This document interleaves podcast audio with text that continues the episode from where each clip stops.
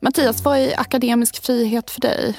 Oj, när jag var student då tänkte jag väl kanske mer på att det här fria studentlivet, äntligen kunde man leva ut allt och festa runt. Nej. Du kom, kom ju från Söder, du måste ju ha fått gjort precis vad du ville hela barndomen. eller? Du, friheten var att det fanns äntligen lite gränser. Ja, exakt. Välkommen in i riskzonen med mig, Mattias Öberg. Och med mig, Emma Frans. Idag ska vi prata om grunden för all vetenskaplig verksamhet kan man säga. Den akademiska friheten. Vad får man forska på? Och vilka metoder får man använda? Och hur kan man publicera sina tankar och idéer? Och vi kommer ta avstamp i kulturrevolutionen i Kina. Där många akademiker fick sätta livet till för att man upplevde att de var ett hot mot det kommunistiska partiet.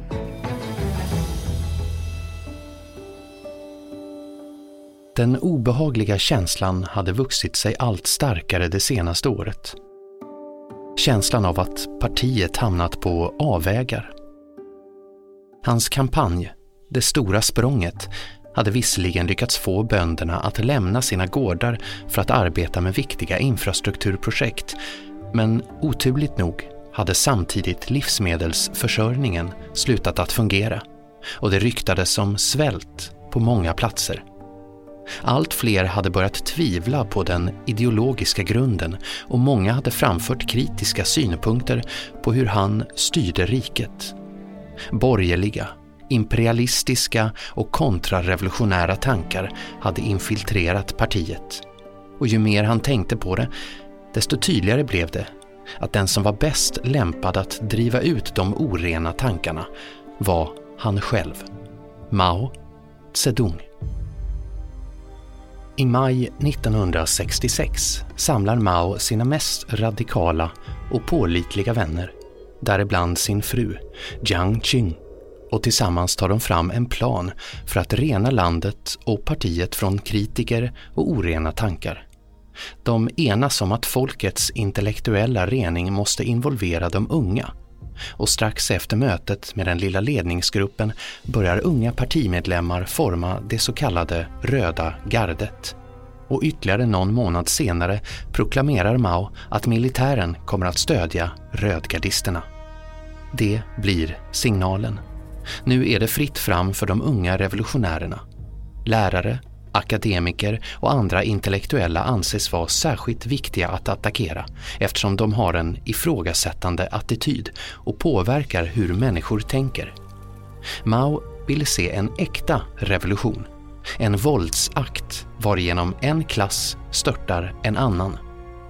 Den 13 juni 1966 stängs skolorna i landet och snart släpas lärare ut från universiteten. De misshandlas och anklagas för att ha förgiftat studenterna med borgerliga värderingar. Mellan 1966 och 1976 deltar mängder av unga kineser i ett försök att tvätta bort det som Mao kallar de fyra gamla. Gamla seder, gammal kultur, gamla vanor och gamla idéer. En av dem som minns vad som hände heter Xu Yu och hon är drygt tio år när kulturrevolutionen bryter ut. Hon vågar än idag inte visa sitt ansikte när hon lämnar sitt vittnesmål i ett forskningsprojekt som syftar till att bevara minnena från de tio åren av kaotiskt förtryck som inleddes sommaren 1966. Kulturrevolutionen hade många delar, berättar hon. En av dessa delar var hur den mänskliga naturen förvreds. Jag gick fortfarande i grundskolan när man började bryta sig in i folks hem för att ta olika ägodelar. Det var mina egna skolkamrater som deltog, flickor på 13-14 år. Så fort de klivit in genom dörren frågade de vilka värdesaker vi hade. Ta fram dem, skrek de och när de tagit det som var av värde fortsatte de med andra ägodelar. Det kallades för en kulturrevolution, men faktum var att det var en antikulturell revolution. Alla underbara saker som litteratur, konst och musik begränsades. En kväll kom en grupp av mina skolkamrater och tog min mammas böcker, LP-skivor och andra ägodelar. De bar ut sakerna och brände dem. Sen tog de fast min mamma och rakade av hennes hår. Därefter drog de ut henne på gården och tvingade henne att knäböja. Vi hade en granne som arbetade som språklärare och även hon fick besök av ungdomarna i det röda gardet. Både hon och hennes man torterades i ett par dagar innan de till slut bands fast vid ett träd och slogs till döds. Efter att paret avlidit var skolbarnen ändå inte tillfredsställda så de högg och sparkade på kropparna för att se om de var döda.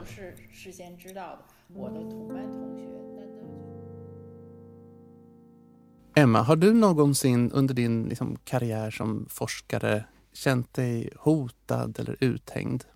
Det har jag absolut. Bland annat så har jag blivit attackerad i samband med olika typer av samarbeten som jag har haft med eh, Sveriges Television. Men vad har man varit kritisk mot då? Nej men mig som person och huruvida jag verkligen är... Alltså public service har ju ett uppdrag om att vara neutrala och då har man tyckt att trots då att jag inte har sysslat med politiska frågor utan jag har ju varit där som expertkommentator eller programledare när det kommer till vetenskapliga frågor så har man ändå liksom tyckt att jag har tagit för mycket ställning mot kanske då vissa som jag anser är antidemokratiska krafter som finns i vår politik idag. Hur har det yttrat sig? Vad har hänt? Ja, dels har det ju varit i sociala medier men också sådana här alternativa medier har hängt ut mig på olika sätt. Men sen också under corona så var det ju många personer som tyckte då att jag inte var tillräckligt kritisk mot Folkhälsomyndigheten och den svenska strategin. Och då har det framförallt varit de här grupperingarna som har en sorts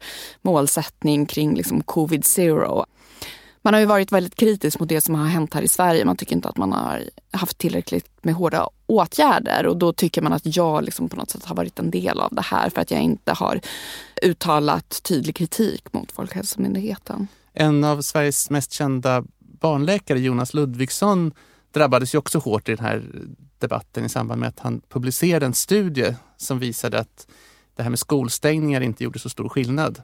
Ja, eller han, han, visade väl då på att barn inte, att de väldigt sällan blev allvarligt sjuka. Sen så hade ju Ludvigsson också då skrivit under ett upprop som kallas för The Great Barrington Declaration. Och där hade man ju då uttalat att man stöttade en viss typ av strategi som gick ut på att man skyddade riskgrupperna men att man när det kom till den övriga befolkningen i princip liksom lät eh, smittan sprida sig. Man var emot skolstängningar och sådana saker och då tyckte ju de här grupperingarna att han kunde inte anses vara neutral i den här frågan och eh, på många sätt så försökte man tysta honom och det här ledde ju dels till att han slutade forska på covid-19 och att han också då slutade att uttala sig om covid-19 i olika typer av offentliga sammanhang. Du då Mattias, du har väl inte riktigt blivit lika utsatt som många av oss coronaprofiler?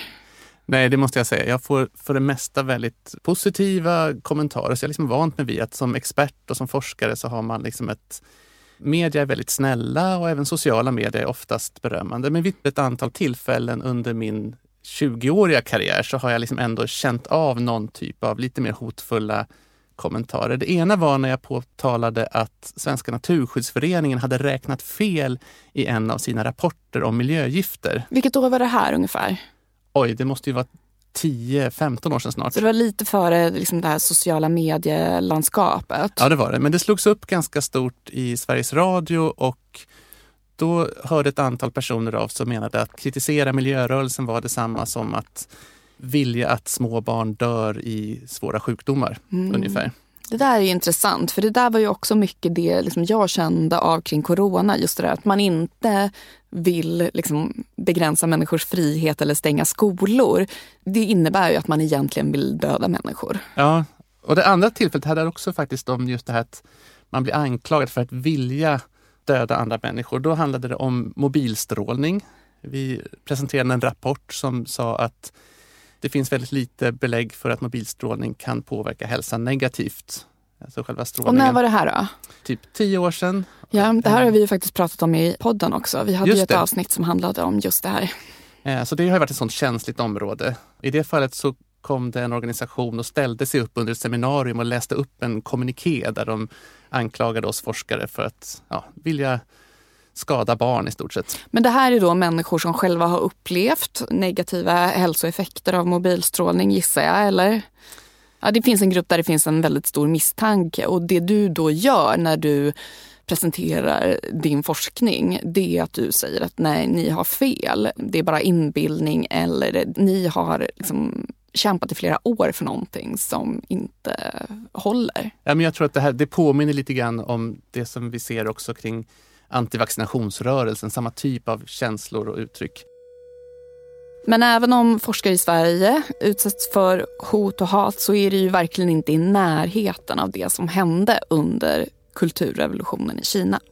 Nej, under de här tio kaotiska åren från 1966 och framåt så enligt Forum för levande historia så mördades ju 750 000 till en och en halv miljon människor. Och jag pratade med Fredrik Fällman som är sinolog, alltså Kina-expert vid Göteborgs universitet. Min forskning har handlat mycket om religionens roll i dagens Kina, men också på senare tid om kinesisk propaganda. Man använder ibland en sorts kategorisering av, av, man brukar prata om svarta och röda personer under hela Mao-epoken. Alltså svarta var ju de dåliga jordägande personer tidigare då, innan man förstatligade marken. Men sen så, så småningom så hade man nio kategorier och de intellektuella var längst ner, den stinkande nionde kategorin. Det var då jordägare, rika bönder, antirevolutionärer, högerpersoner, förrädare, spioner och så alla längst ner var intellektuella. Och han berättade varför det var just de intellektuella som drabbades extra hårt. Jag tror att det handlar mycket om att eh, de står för just bildning och ifrågasättande och kunskap. Mao var själv relativt välutbildad. Han var lärarutbildad och hade jobbat som lärare och mycket beläst i klassiska texter och skrev själv klassisk poesi och så vidare. Men det var ju han.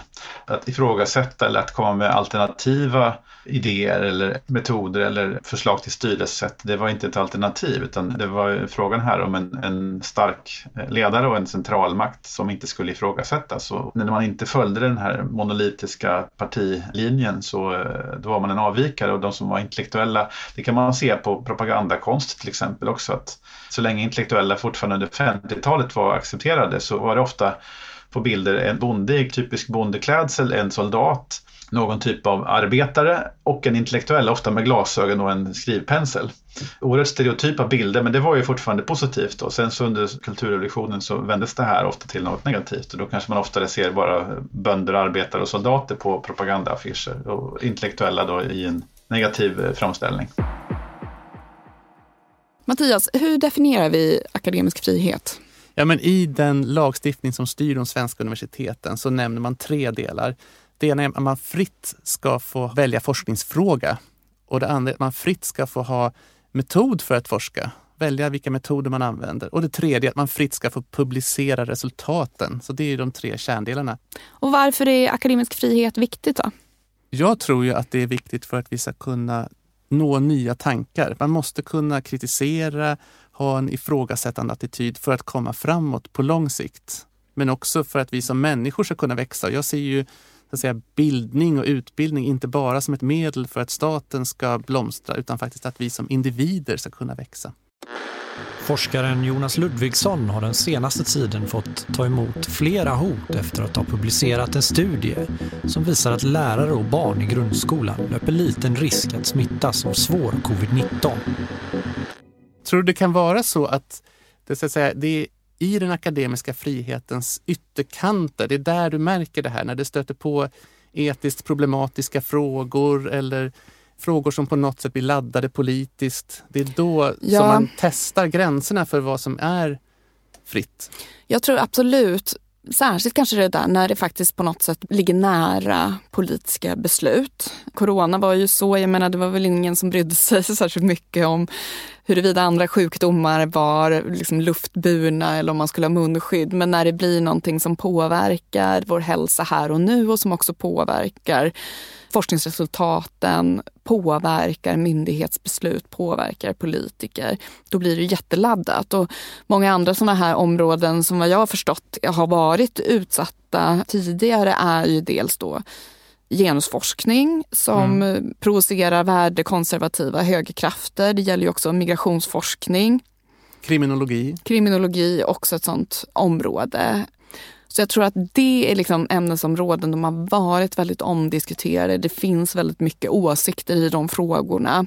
Men samtidigt använder de också själva alltså de politiska krafterna använder ofta vetenskapen som ett tungt argument. Att forskning visar att Men det är ju tunga argument. Liksom. Eh, sen så kan man ju ibland tycka att man cherrypickar forskningsstudier. Man kanske på något sätt ger sken av att det finns mer vetenskap bakom de här påståendena. För det kanske finns minst lika mycket vetenskapliga belägg som stödjer liksom, den motsatta sidans argumentation. Och det är väl en anledning just att forskningen är särskilt utsatt just för att vi har ett förtroende för forskare. Så när forskare går ut och säger någonting som går emot vad vissa grupperingar anser eller vad vissa politiker tycker, då blir det väldigt kontroversiellt och då riskerar man också att råka ut för den här typen av problem.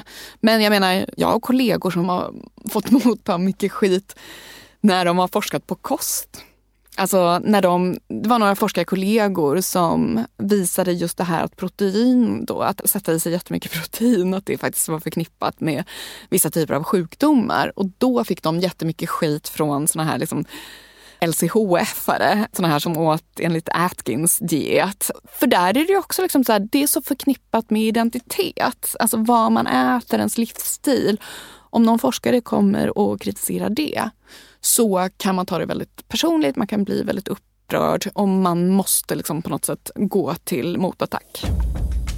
Hur påverkades de kinesiska lärosätena, universiteten och forskningen under den här tiden? Eh, under 50-talet så pågick det, man slog samman en del universitet och man betonade starkt eh, naturvetenskaplig teknisk forskning och så vidare. Humaniora hamnade lite grann på sidan men det fanns ju ändå kvar. Men under 60-talet och framförallt under kulturrevolutionen så upphörde ju mer eller mindre mycket av undervisningen för att det blev, dels var under de kaotiska åren i början så studenterna lämnade campus och gav sig ut någonstans för att göra revolution istället. Och lärare drabbades hårt av attackerna på intellektuella så det var ju under ett antal år i princip omöjligt att genomföra någon högre utbildning. Och man slutade också ta in studenter under en period. Men mycket har ju hänt sedan kulturrevolutionen och idag så ser man ju Kina som en väldigt framstående nation för forskning och vetenskap. Ja, kulturrevolutionen upphörde ju i samma ögonblick som Mao Zedong dog. Och då började ju ett återuppbyggande av Kinas universitet och kunskapsinfrastruktur kan man säga. Sent på kvällen den 9 september 1976 upphör så kulturrevolutionen. Då tillkännager kinesisk radio att ordförande Mao avlidit och över hela Peking hissas flaggorna på halv stång. Internationalen ljuder ur högtalare på stadens gator och på den himmelska fridens torg hänger man upp ett gigantiskt porträtt av den bortgångne Mao. Kondolianser strömmar in från världens länder och även Sveriges statsminister Olof Palme faller in i kören av hyllningar och beskriver Mao som en av världshistoriens stora ledare. Men bakom kulisserna i Peking pågår redan ett maktövertagande. De nya makthavarna beslutar snabbt att gripa den lilla grupp av personer som arbetat nära Mao under kulturrevolutionen. En av de fyra som grips är Maos änka Jiang Qing. Genom att rikta anklagelserna endast mot dessa fyra individer lyckas de nya makthavarna också undvika att kritik riktas mot Mao Zedong själv. Att rikta kritik mot den nyss avlidne Mao personligen hade kunnat provocera inflytelserika krafter inom kommunistpartiet. 在什么时间、什么地点 i den tv-sända rättegången mot de fyras gäng döms flera av de anklagade till döden. Ett straff som senare omvandlas till livstidsfängelse. En av de som deltar i det snabba maktövertagandet är Deng Xiaoping. Under kulturrevolutionen har han själv fått erfara rödgardisternas härjningar. Hans äldste son har till exempel kastats ut ur ett fönster från ett fyravåningshus. vilket har gjort honom förlamad.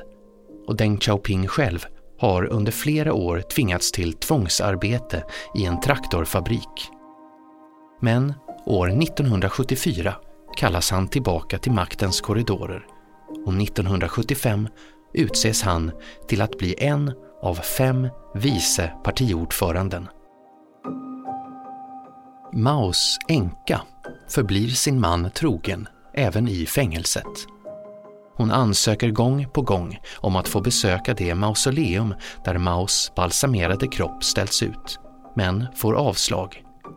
När studentdemonstrationerna på Himmelska fridens torg bryter ut 1989 anklagar hon de nya ledarna för att ha släppt in västerländska idéer och när hon två år senare begår självmord genom att hänga sig under ett sjukhusbesök skriver hon ett avskedsbrev där hon beklagar att Mao, hennes man, underlåtit att ta livet av Deng Xiaoping.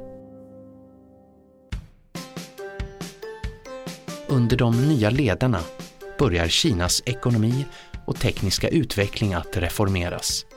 Genom att öppna sig för omvärlden och satsa på snabb tillväxt byggd på export växer välståndet i landet och vetenskaplig och teknisk utveckling blir ett verktyg på vägen mot välstånd och internationellt inflytande. Parallellt med öppningen av Kinas ekonomi utvecklas också ett statligt forskningssystem. En del av strategin är att uppgradera och utveckla universiteten och bygga ett internationellt konkurrenskraftigt kunskapssystem. Man lockar tillbaka utlandskineser som blivit utbildade och tränade på universitet, laboratorier och företag i USA och Europa. Även utländska professorer får möjlighet att arbeta i Kina under goda villkor.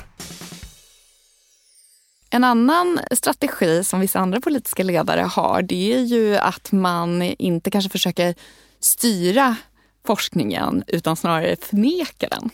Någon speciell person med lite yvig frisyr som du tänker på eller? Ja men eh, jag tänker ju på Donald Trump just sådär att han har ju varit väldigt duktig på att eh, välja sin sanning, inte kanske på något sätt hakat upp sig alldeles för mycket kring vad det finns vetenskapligt stöd för eller inte. Sen så kanske han, liksom, hade han kunnat, kanske han skulle velat styra, han har ju velat liksom, kanske styra vad journalister skriver. Eh, De skickade ju faktiskt ut ganska snart efter maktövertagandet så att säga, när han blev president till eh, den amerikanska miljömyndigheten EPA. De fick ju en lista på vilka typer av ord som de fick just skriva det, på sin det, hemsida. Det är sant. Det är sant. Mm. Ehm, där man så att säga försökte mota bort diskussioner som hade att göra med abort eller vissa delar av klimatfrågan och sådär. Mm. Och man tillsatte chefer som skulle vara lojala med den nya ledningen ja, i Vita han, huset. Det kanske var tur att han inte hann komma längre i det där arbetet. That is a lot of fake news. Du nämnde exemplet med allt hot och hat som har riktats mot genusforskare till exempel. Och då har vi det internationella, det här sekretariatet för, nationella sekretariatet för genusforskning. Heter de så? Mm, du tänker på nationella sekretariatet för genusforskning? Så heter det. De har blivit utsatta Det är bara för... jag som har Google framför mig, nämligen. Mm. De har ju blivit utsatta för väldigt mycket liksom, hat och hot och nästan kampanjer så att säga, mot sig. Å andra sidan så är ju det också en väldigt tydlig statlig styrning. Att regeringen sätter till specifika medel och från och med 2020 så får alltså alla vi forskare som söker bidrag redogöra för om köns och genusperspektiv är relevant i forskningen. Och det gäller alla typer av utlysningar, även om det handlar om till exempel toxikologi och hur man ska exponera olika celler för gifter. Och det är ju någon typ av styrning som jag tror många fler än jag också liksom lite grann instinktivt reagerar mot för att det blir så stark inverkan på vad som är viktigt från den politiska nivån och inte från forskarsamhället själv. Så du menar att just den här typen av forskning eller kanske just den här typen av fokus på genus, att det i sig kan inkräkta på den akademiska friheten genom att ge upphov till vissa typer av begränsningar. Ja, men jag tänker att när vi pratar om akademisk frihet så har vi också ett sätt när vi forskar, det, det bygger på ifrågasättande, att kritisera, kritisera. Så det är en del av det sätt som vår forskning bygger på. Och när du då pekar ut en fråga, att ja, men det här måste du säga, förhålla dig till på ett visst sätt som regeringen tycker. Då inkräktar de lite grann på den akademiska friheten, kanske med goda avsikter. Tänker du att det också gäller kanske etiska förhållningsregler ibland? Jag menar, jag jobbar ju själv med registerdata och där är det ju hela tiden en konflikt mellan den information vi vill ha och den som kanske då registerhållare vill ge oss. Jag menar, jag, jag, måste ju såklart nämna också att allt data som vi använder oss av är ju såklart avidentifierat. Vi vill aldrig ha några personnummer och det är jätteviktigt att vi aldrig kan liksom spåra en enskild individ. Men samtidigt så blir det ju också så, ju mer data vi får om en enskild person, desto större är ju möjligheten att faktiskt kunna hitta hitta en person. Har den personen en viss ovanlig sjukdom eller något sånt så är det ju faktiskt inte omöjligt att vi med tillräckligt mycket information om den här personen faktiskt skulle kunna spåra den personen i vårt data även om vi inte har personnummer. Så det där är ju liksom på något sätt det etiska är ju också en begränsning som man hela tiden måste förhålla sig till och det är ju det som också är ganska svårt när det kommer till många av våra så demokratiska friheter, att de står ju ibland i kontrast med andra människors... Min frihet, min möjlighet att göra precis vad jag vill skulle ju faktiskt kunna gå ut över din frihet och din möjlighet att leva ett gott liv. Så att, Vissa saker är ju liksom självklara. Man får inte hota och hata, man får inte trakassera, man får inte slå människor. Men samtidigt så vissa typer av begränsningar kanske behövs för att skydda svaga grupper i samhället. I mitten av 70-talet så dör Mao. Vad händer sen? Ja, det blir ju en, en, total omsvängning och eh, intellektuellt och i den akademin så blir det också en blomstring för att nu är det plötsligt möjligt att publicera, inte vad som helst, men ändå väldigt mycket. Och det, det är en, under sent 70 och början på 80-talet är det en rik flora av just akademiska och kulturtidskrifter som dyker upp igen och som skriver om allt möjligt. Så det är en väldigt fascinerande period. Det är en väldigt fri debatt under framförallt 80-talet där alla möjliga frågor diskuteras. Så det är ganska intressant att Precis som på 10 och 20-talet för 100 år sedan så är det faktiskt i viss mån naturvetare som är ganska långt framme i att eh, föra fram de verkligt intressanta ideologiska utmanande tankarna.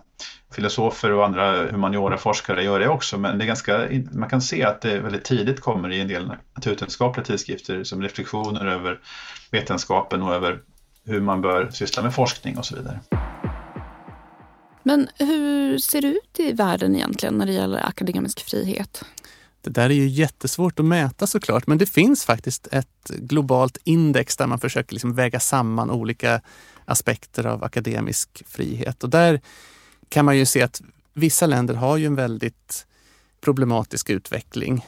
I våran närhet så är det ju kanske Vitryssland eller Belarus där man har liksom börjat gå väldigt hårt åt akademiker. Hur är det i länder som Polen och Ungern? Det är ju sådana länder som man pratar om att eh, demokratin generellt är på tillbakagång. Ja, men där har man väl så att säga, politiskt sett ändå då hängt ut en del universitet. Att om de får sponsring från utlandet, till exempel i Ungern, så har de mycket svårare att verka. Och den typen av diskussioner har ju varit ganska hård mot akademiker. Men det är ju ändå långt ifrån den typen av auktoritet auktoritära och totalitära styrning som du har i Iran till exempel. Och hur ser det då ut i Kina? När det gäller naturvetenskaplig medicinsk forskning så pågår en enormt snabb utveckling. Lite på samma sätt som jag sett inom ekonomin och handeln, att det växer väldigt starkt. Medan forskare som är verksamma inom samhällsvetenskap och som så att säga, har kritiska frågor kring styret i Kina, så blir det tuffare och tuffare. Under 2000-talet utvecklas Kinas universitet och forskningsinstitut mycket snabbt. De kaotiska åren under kulturrevolutionen är sedan länge borta. Antalet studenter mångdubblas och utbytet med omvärlden ökar. Men alla studenter och forskare är inte lika uppskattade. Särskilt inte de som uttrycker kritik mot de styrande och landets nya ledare Xi Jinping. Kring honom centreras makten och en personkult växer fram som på flera sätt liknar den som rådde under Mao Zedong. Li Chaochu föds 1991, 15 år efter kulturrevolutionens slut. Under sina studieår får hon möjlighet att läsa en masterutbildning i Public Policy vid York University i England och fortsätter därefter som forskarassistent vid det världsledande Tsinghua-universitetet i Peking med fokus på det kinesiska pensionssystemet. Men vid sidan av sina studier är hon även aktivist och deltar bland annat aktivt i metoo-kampanjen där hon sammanställer uppgifter om sexuella trakasserier. Engagemanget får dock de kinesiska myndigheterna att reagera och säkerhetspoliser stationeras snart utanför hennes hem. De övervakar henne på väg till och från jobbet och den 31 december 2019 grips Li Chaochu av polisen och förhörs i 24 timmar, något som hon efteråt pratar öppet om på sociala medier. Så uppstår coronapandemin i Kina och i ett inlägg på sociala medier kritiserar Li Chaochu myndigheterna för att medvetet ha underrapporterat antalet döda i den inledande fasen av pandemin. Hon skriver till sina följare Kom ihåg smärtan och de som lämnat oss utan att ens bli omnämnda. Därefter publicerar hon en text där landets nuvarande ledare, president Xi Jinping, kritiseras och uppmanas att avgå på grund av inkompetens under hanteringen av covid-19. Strax efter att texten publicerat grips Li Chaochu av polis och förs bort. Det är den 16 februari 2020. Under 2020 inleder Amnesty International en namninsamling för att försöka få reda på vad som hänt Li Chaochu sedan hon greps av kinesisk polis i februari. Hon anklagas för att ha uppmuntrat till omstörtande verksamhet mot statsmakten och hålls i hemligt förvar någonstans i Pekingområdet. Ett livstecken kommer till sist, den 27 augusti 2021 då hon enligt uppgift får besök av sin advokat i samband med en vistelse på ett sjukhus. Det är första gången hon får träffa en advokat. Alla tidigare förfrågningar har avvisats av myndigheterna med motiveringen att det skulle kunna äventyra brottsutredningen. Du och jag, Mattias, vi arbetar ju på Karolinska institutet. De har ju nära samarbeten med Kina. Jag vet att du har haft lite synpunkter på det här. Ja, men det här samarbetet har ju flera olika nivåer. Dels har vi ju så att säga, svenska forskare som välkomnas till Kina och ibland får ganska bra förutsättningar att bedriva forskning vid deras universitet och sätta upp nya typer av tekniska plattformar och sådär. Så det är ju en möjlighet för svenska forskare att, så att säga, få forska i ett land med en stor del av världens befolkning och inte minst inom mitt område. Så mycket av, nästan alla kemikalier vi köper och använder produceras i Kina, så det är ett jätteviktigt område.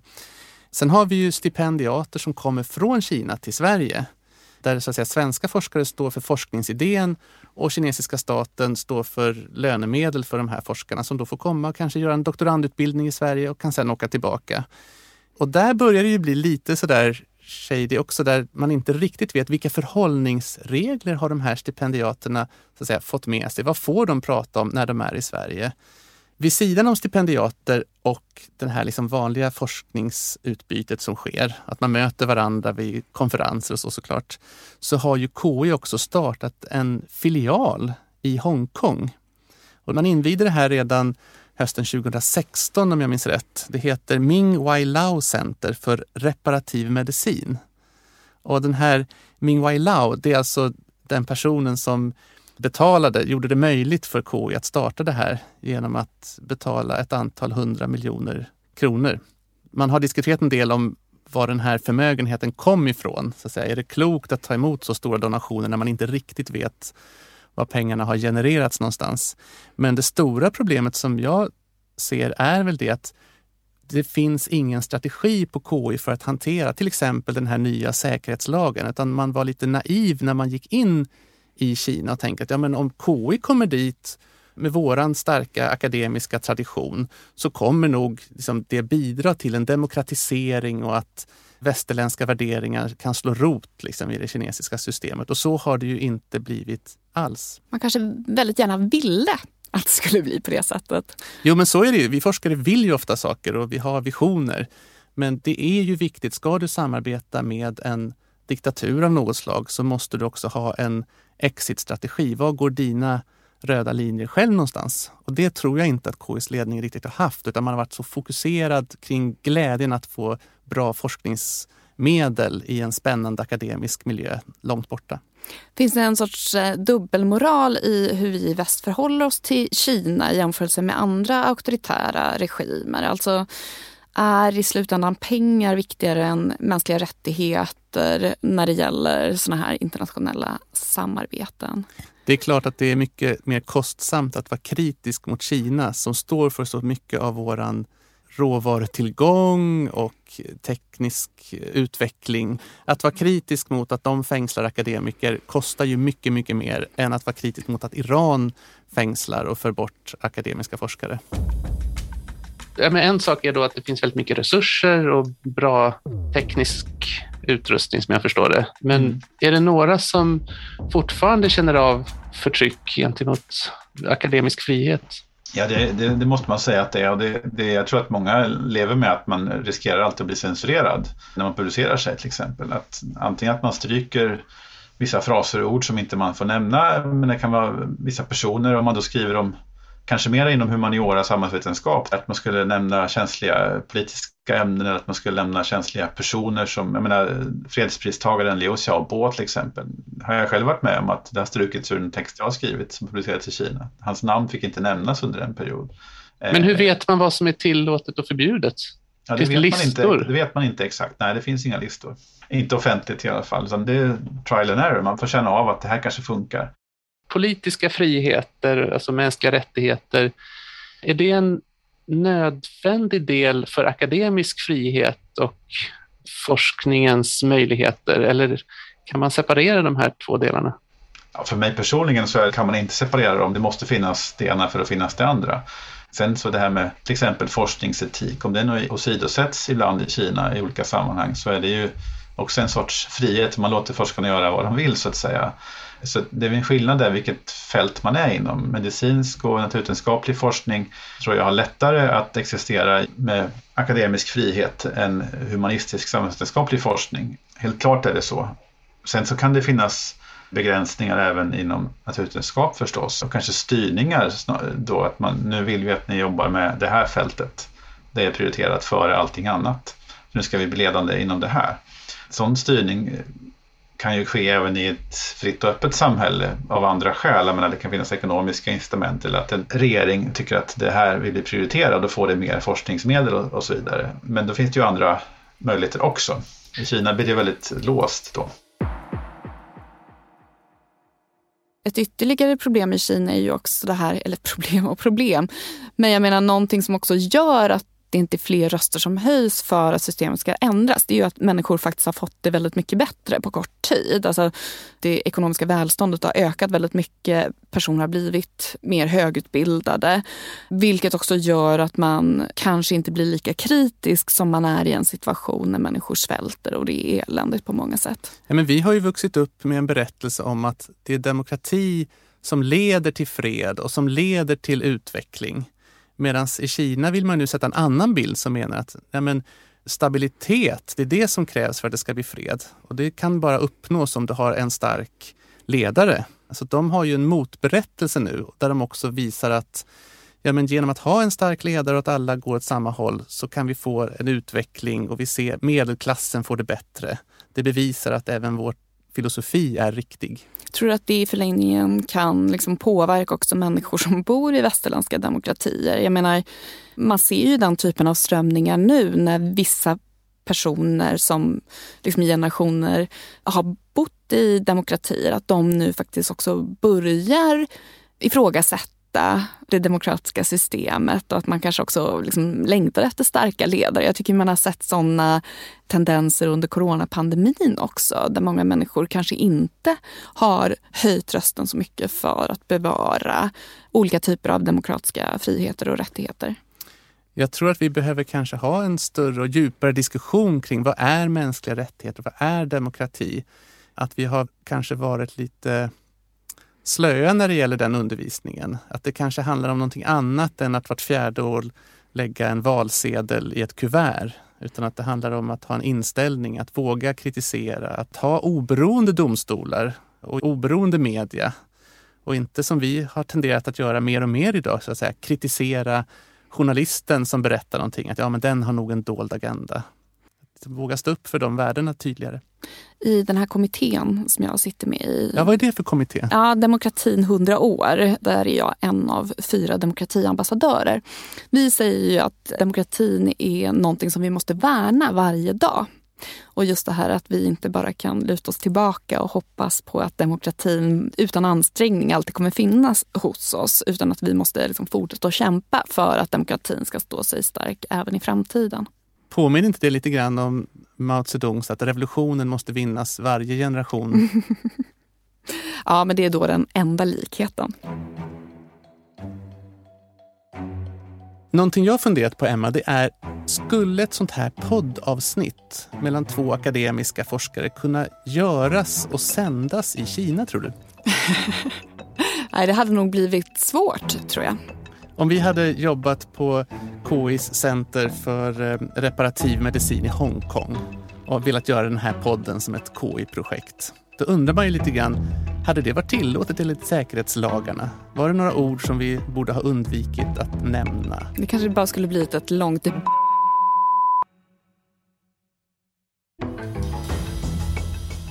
Du har lyssnat på Riskzonen med mig Mattias Öberg. Och med mig Emma Frans. Det här avsnittet spelade vi in på Beppo. Som vanligt så var producenten Klara Wallin och inläsare Peter Öberg. Och för att vara helt transparenta då så finansieras den här podden av forskningsrådet Formas. Men det är inte regeringen som står för beslutet utan det är forskare och informatörer som själva har fått välja ut vilka projekt som ska få pengar. Och I nästa avsnitt så kommer vi prata om risker med att investera i bolag som kan verka både världsförbättrande och lukrativa. Och mer specifikt så kommer vi prata om bolaget Theranos och eh, en kvinna vid namn Elizabeth Holmes som först hyllades som en av de yngsta kvinnliga miljardärerna i världen men senare visade sig vara rena rama bluffen.